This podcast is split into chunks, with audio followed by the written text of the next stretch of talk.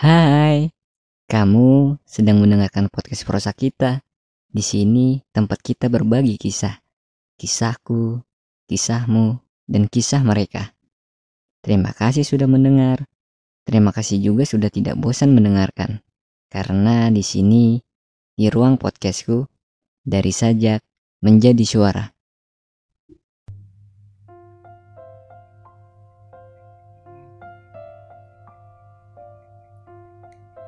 Hai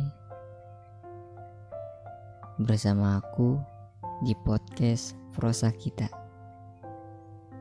Gimana kabar kalian? Semoga kalian baik-baik saja ya Di malam ini Aku dapat kiriman kisah yang menurut aku sangat luar biasa isinya. Saat pertama aku baca kisahnya tuh seperti aku ditampar oleh sebuah kesadaran, oh ternyata keadaan di luar sana ada yang lebih berat masalahnya, ada yang lebih berat kisahnya.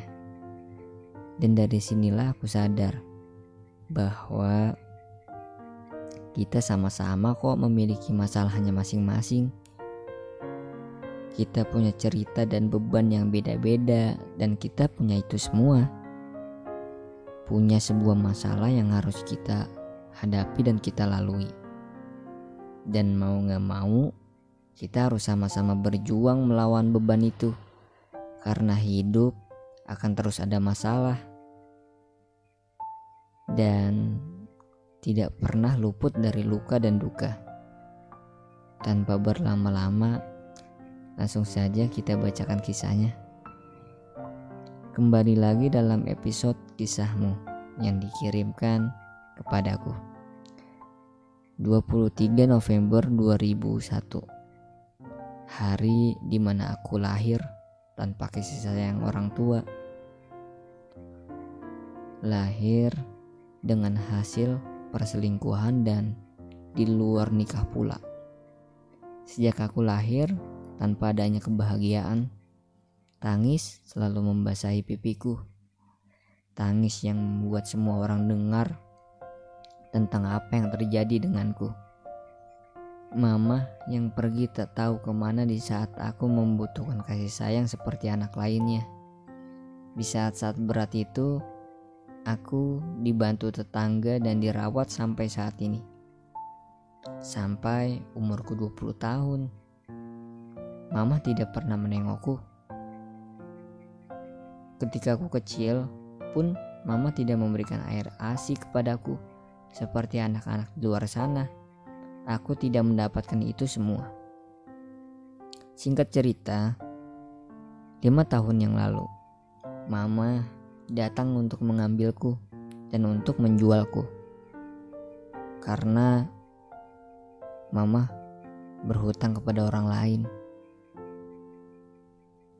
Aku menjadi trauma dan mulai takut untuk berinteraksi dengan orang lain selain keluargaku saat itu. Aku menjadi anak yang selalu takut dengan hal yang belum pernah terjadi dan apa sesuatu hal yang mungkin tidak terjadi juga. Banyak hal yang sudah aku lewati, mulai dari cacian, makian, hinaan dari orang lain dan orang terdekat. Seakan aku bagaikan sampah yang jelek dan hina akan kekuranganku di setiap mata mereka. Aku menjadi anak yang kuat dengan adanya papa, kasih sayang papa yang telah ia kasih. Kasih sayang papa sudah lebih dari cukup dari apa pun yang membuat aku kuat. Cukup membuatku menjadi anak yang berani akan hal yang aku lewati dengan banyak hal yang terjadi pada diriku. Bulian, perkataan orang orang terdekat yang selalu membuatku menangis. Sesakit apa pun orang lain berbicara buruk kepadaku, papa selalu ada dan menjadikan aku orang yang kuat dengan segala tingkahnya. Tingkahnya adalah sesuatu hal yang selalu aku tunggu. setiap berangkat sekolah, setiap pulang sekolah, ya papa yang membuat aku semakin kuat. Papa yang memberikan kasih sayang untuk aku menjadi anak yang hebat. Ketika aku memiliki segalanya dan banyak harapan aku bersama papa.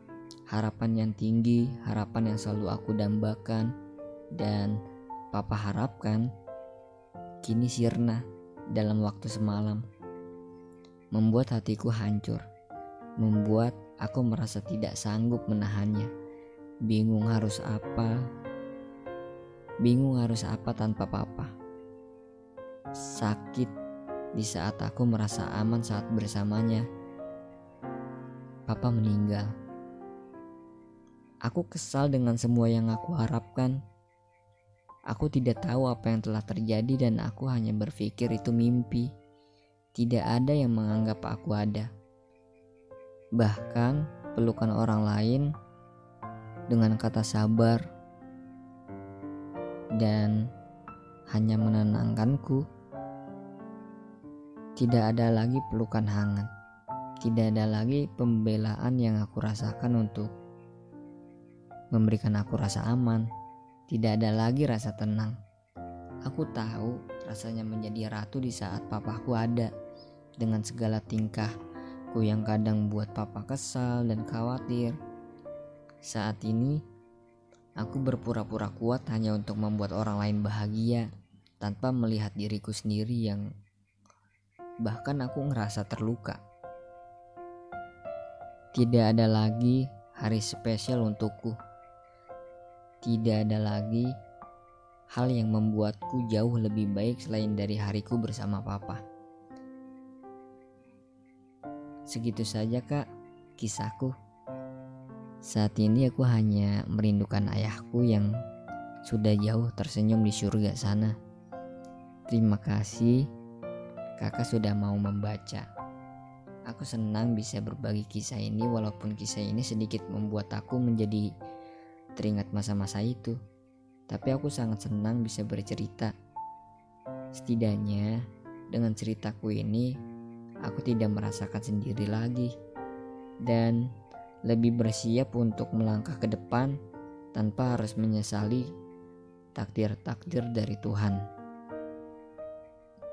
Semoga kakak dan tim sehat selalu ya.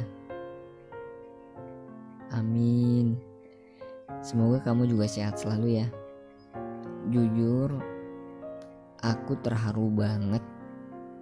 Sebuah kisah yang sangat membuat aku dan mungkin kita semua sadar bahwa kita nggak akan pernah bisa memilih kita dilahirkan dalam keluarga yang seperti apa dan dengan cara apa kita dihadirkan di dunia ini mungkin di luar sana banyak yang terlahir di dalam sebuah keluarga yang harmoni. Menemanimu sampai nanti sukses. Tapi kamu tidak menemukan itu di dalam kehidupanmu. Sangatlah nggak mudah menanggung beban ini tapi kamu kuat sampai saat ini. Aku sih berharap semoga kamu akan selalu kuat dan selalu kuat di setiap hari. Karena masa-masa itu akan sekali-kali membuatmu merasakan kesepian dan itu akan selalu menjadi duka yang sewaktu-waktu akan teringat kembali Jangan pernah menyesal telah terlahir di dunia ini walaupun lahirmu bukanlah dengan cara yang baik. Ini bukan salahmu dan Tuhan tahu kok. Jadi jangan pernah merasa kalau diri kamu buruk ya. Setidaknya kamu harus berjuang dan terus berjuang walaupun kamu tak memiliki kisah atau kasih sayang orang tuamu untuk saat ini, kamu punya banyak orang-orang yang menjaga kamu saat ini. Bahagiakan dia, buat papahmu senyum di surga dengan keberhasilanmu yang kau dambakan itu. Dan yang penting, kita berharga di mata Tuhan, bukan di mata manusia. Mungkin kamu sedang di fase bertanya-tanya, "Kenapa aku terlahir seperti ini? Kenapa aku tak mendapatkan kasih sayang seperti anak-anak lain?" Ya, kamu benar. Ya, nggak salah kalau kamu kesal dan bertanya-tanya seperti itu. Tapi apa dengan cara menyesali kita akan bisa memutarkan waktu? Enggak, waktu yang berlalu tak akan bisa kita ulangi kembali. Kadang dari kisah yang sangat menyedihkan akan membawa kita dalam kesadaran. Kesadaran untuk terus melangkah, terus hidup dan terus berkembang. Jadi pesanku Sudahi rasa penyesalan, fokuslah pada apa yang sekiranya ada di depan untuk kita lebih baik menjalani hari. Tetap semangat, pasti kamu kuat, dan aku yakin kamu akan menemukan caramu sendiri jika kamu yakin dengan dirimu sendiri untuk kehidupan yang lebih berwarna di esok hari. Jadi, tetap semangat ya. Aku yakin setiap masalah, setiap kesedihan akan ada obatnya, dan kita akan menemukan kebahagiaan yang baru. Dan kamu harus yakin itu. Tetap semangat.